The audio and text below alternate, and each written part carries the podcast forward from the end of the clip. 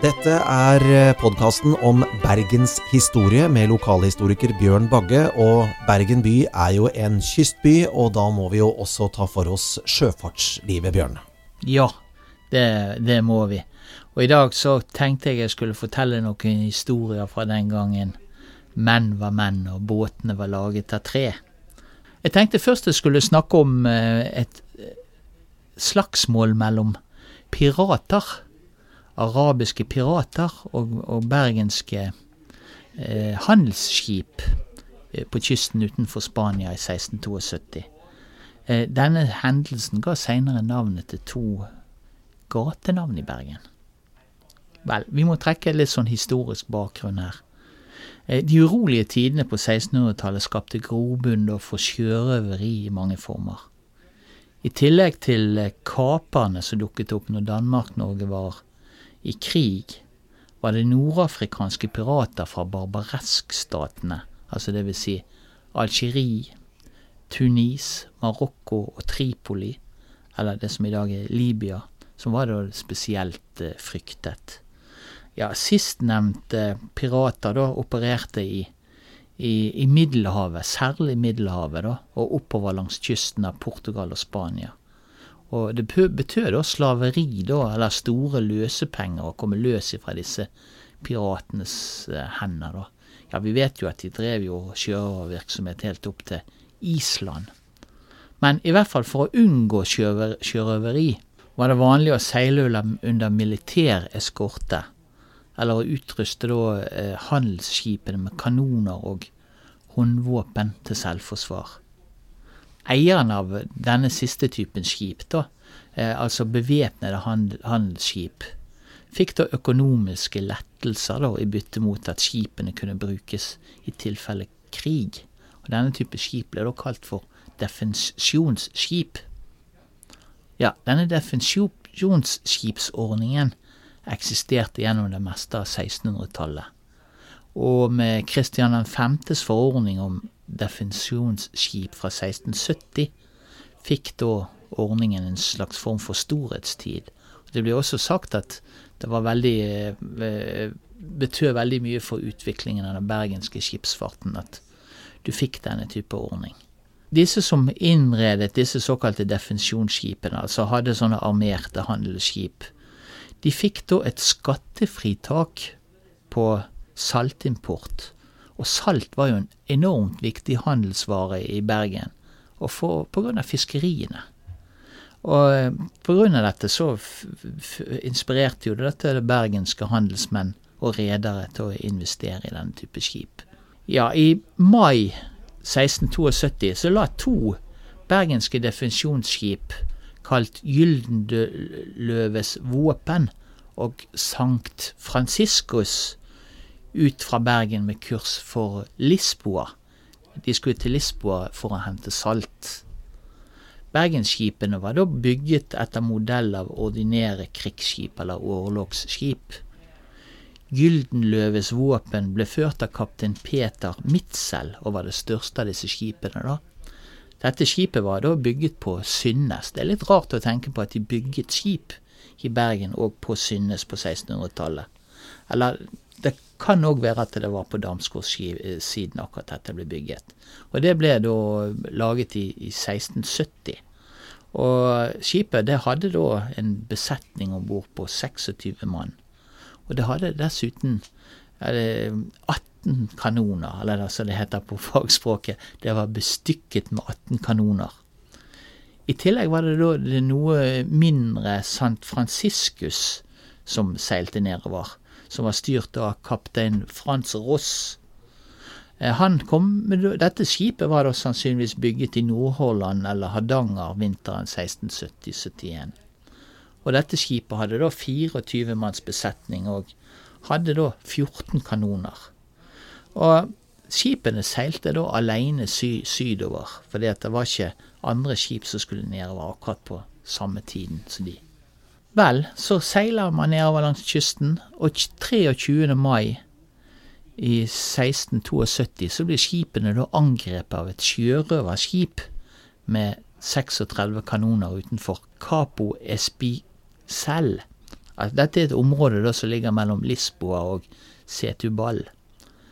Eh, dette kanonangrepet ga jo egentlig bergenserne få skader. Kapteinene Mitzel og Ross hadde nemlig sett disse sjørøverne litt på avstand og hadde fått raskt bevæpnet mannskapene sine. Og bergensskipene kunne derfor raskt besvare ilden. Og deres kanonskudd var nå ifølge de sjøl i hvert fall svært eh, treffsikre. Eller som det heter eh, i beskrivelsen fra samme tid. Ti der skjedde neppe et skudd uten det traff målet og gjorde en fortreffelig virkning. Etter denne første skuddvekslingen så angrep sjørøverskipet da St. Franciscus. Men eh, Bergensskipet da klarte da å seile unna for sjørøverskipet. Sjørøverskipet prøvde seg deretter på Gyldenløves våpen, som da forsvarte seg da med en ny, treffsikker salve med kanonene sine. Men sjøl om sjørøverskipet ble skadet, klarte mellom 70 og 80 sjørøvere å entre Bergensskipet da. Eh, noen av disse kom om bord i hulrommet mellom de to skipsdekkene og ble skutt av bergenserne, mens andre klarte å komme seg helt opp på skipet sine skanser. Vel, til tross for en vellykket entring klarte sjørøverne likevel ikke å erobre Gyldenløves våpen. Kaptein Mitzel hadde nemlig vært ganske smart. Han hadde plassert to kanoner, eh, og disse to kanonene fikk han da avfyrt ladet med jernskrot og jernbiter mot sjørøverne.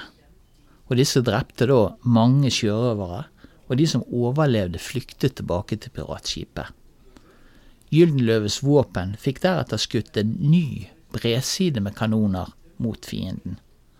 Samtidig lå, også, også San Franciscos da og skjøt på sjørøverne, som nå ble påført en betydelig skade. Så det var ikke bare bare for disse sjørøverne å komme og erobre de bergenske skipene. De fikk en god omgang med pryl, rett og slett. Vel, til slutt så klarte likevel disse sjørøverne å entre Sant Franciscus. Men eh, at skipet likevel ikke da ble kapret, skjedde egentlig av en viktig årsak, da. Under angrepet så tok det nemlig fyr i Bergensskipet, og dette førte til at svart røyk veltet ut. Piratene trodde jo nå at bergenserne sjøl hadde tent på skipet for å slippe unna sjørøverne, eh, og eh, derfor så rømte de da fra Bergensskipet. Men eh, det var ikke så alvorlig, så bergenserne fikk ganske snart slukket ilden, og de fortsatte da med å fyre løs på sjørøverskipet. Og etter hele åtte timer med, med, med kamp, så ga endelig sjørøverne opp og, og rømte fra bergensskipene. Begge bergensskipene var jo ganske skadet etter trefningene, da. Og i tillegg var det én mann som var drept, og det var fem sårede. Ja, en av de sårede var jo da kaptein Mitzel, da, som mistet en, en finger. Det var noe Eh, av alle verdens ting under disse her eh, kampene. Da bergenserne kom til Lisboa, spredde ryktene om kampen med sjørøverne seg hurtig, da. Og dette gjorde jo selvfølgelig kapteinene populære i byens selskapsliv.